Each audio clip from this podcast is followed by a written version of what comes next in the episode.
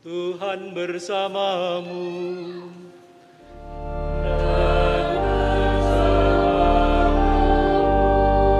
Inilah Injil suci menurut Matius.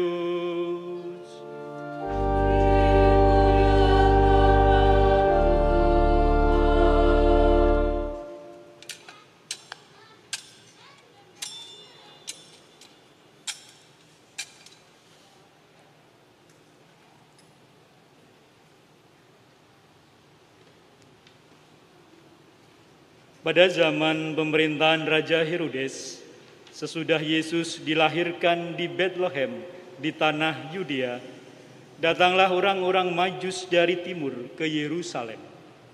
Mereka bertanya-tanya, "Di manakah dia, raja orang Yahudi yang baru dilahirkan itu? Kami telah melihat bintangnya di timur dan kami datang untuk menyembah dia."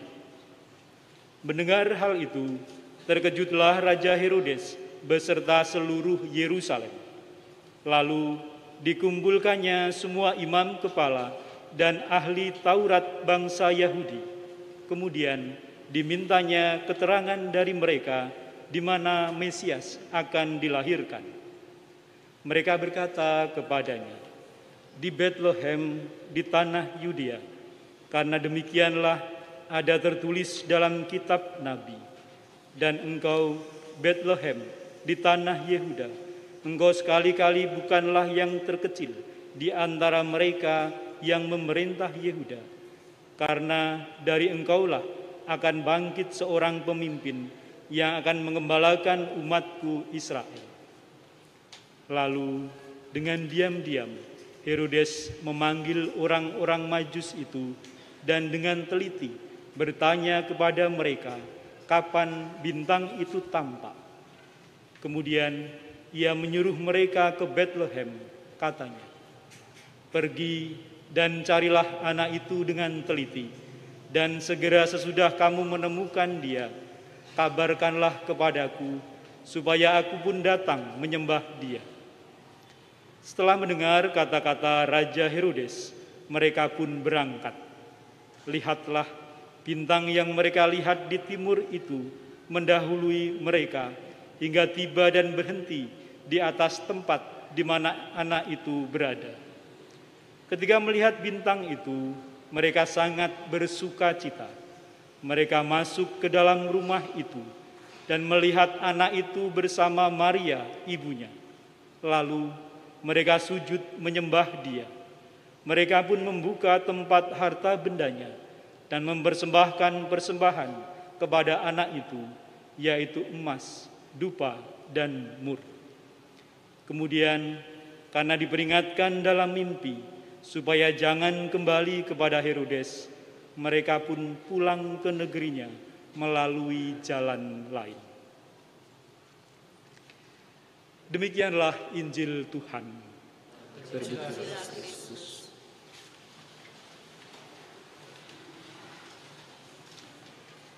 Bapak, Ibu, Saudara-saudari, teman-teman yang terkasih, penampakan Tuhan itulah yang kita rayakan pada hari ini.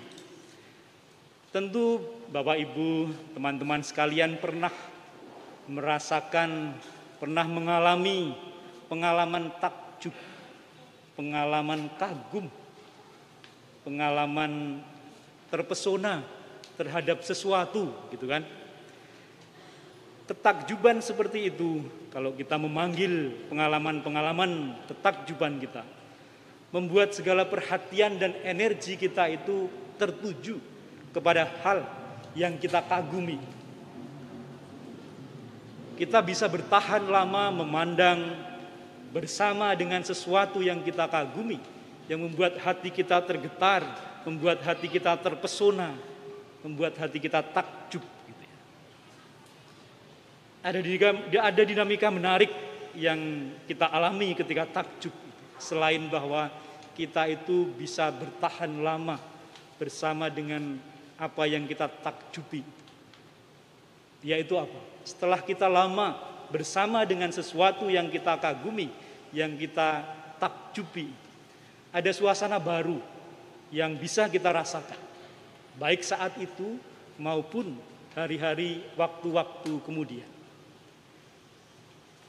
Saya ingat hari-hari ini atau sebelum tahun baru dan menjelang tahun baru, setelah tahun baru, masa tahun baru menjadi kesempatan bagi kita, banyak bagi kita, waktu untuk bertemu dengan orang-orang yang dekat dengan kita, atau merasa-rasakan suasana di sekeliling kita, menikmati segala sesuatu yang indah, bisa pemandangan, bisa menciptakan suasana bersama dengan orang-orang yang dekat dengan kita.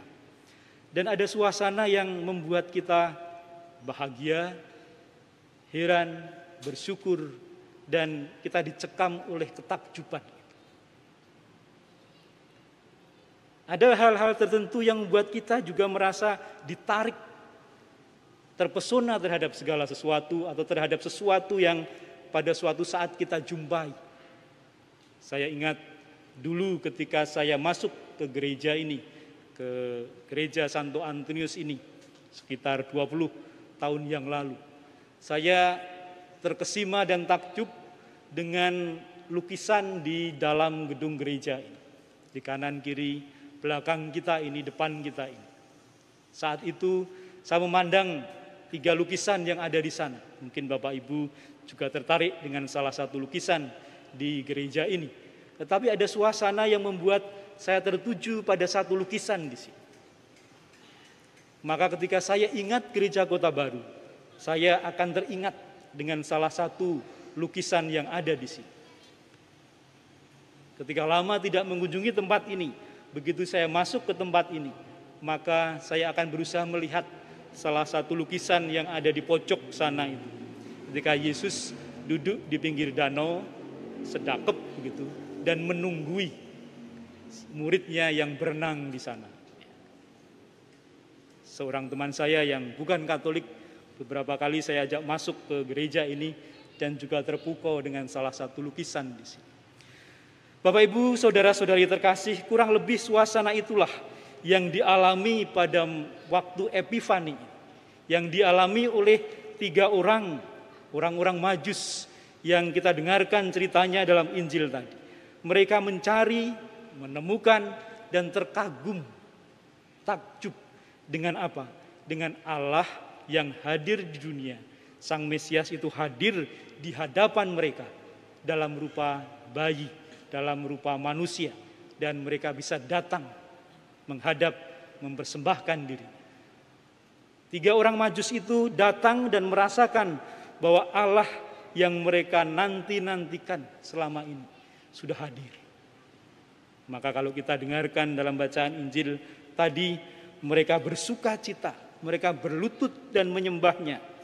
Ada rasa haru, hormat, tapi sekaligus rasa kagum akan Allah yang hadir. Dan mereka memandang membiarkan pengalaman bersama dengan Yesus itu untuk membuat hati mereka bersuka cita. Tapi ada satu yang menarik yang ditunjukkan oleh Injil Matius perasaan bersama dengan Tuhan menyambut Sang Mesias itu tidak berhenti pada sukacita. Tetapi pengalaman menjumpai Allah itu, menjumpai Allah yang beserta kita itu, menumbuhkan sikap bersemangat dan itu mengubah mereka. Bahkan nanti dalam Injil tadi kita lihat mereka bisa membuat keputusan baru. Mereka bisa membuat langkah-langkah baru dalam hidup mereka. Bapak Ibu saudara-saudari terkasih, maka pada poin yang pertama ini sampai pada tahap ini, saya kira kita bisa belajar dari sikap orang majus itu. Apa itu? Keterbukaan hati untuk mencari dan menemukan Allah, mencari dan menemukan Sang Juru Selamat. Mereka terbuka mencari, dituntun oleh Sang Bintang Walaupun ada hal yang menarik juga. Walaupun bintang itu menuntun mereka barangkali ke tempat di mana mereka tidak sangka sebelumnya. Mereka datang ke kerajaan mengharap bahwa Mesias itu besar, lahir di kerajaan. tapi mereka membiarkan diri dituntun oleh bintang itu dan mereka sampai ke tempat yang sangat sederhana. Allah yang mereka nantikan itu hadir di luar bayangan mereka sebelumnya. Mereka menemukan sang juru selamat itu dalam rupa bayi mungil di tempat yang sederhana. Maka Bapak Ibu Saudara-saudari terkasih, apakah kita mengalami epifani, penampakan itu, atau lebih tepatnya, penampakan seperti apa, perjumpaan dengan Tuhan seperti apa yang diberikan kepada kita hari-hari ini, waktu-waktu ini. Apakah ada ruang-ruang yang kita sediakan bagi Allah? Apakah ada ruang terbuka sehingga Allah itu mau hadir di sana, di dalam hati kita? Juga ketika Allah itu hadir dengan caranya yang khas di luar harapan dan ekspektasi kita.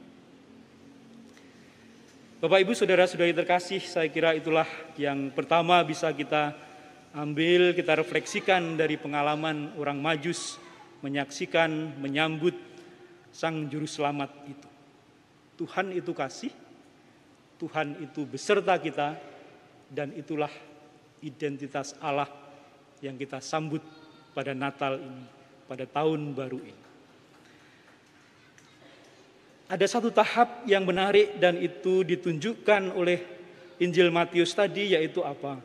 Yaitu maka pulanglah mereka ke negerinya melalui jalan lain.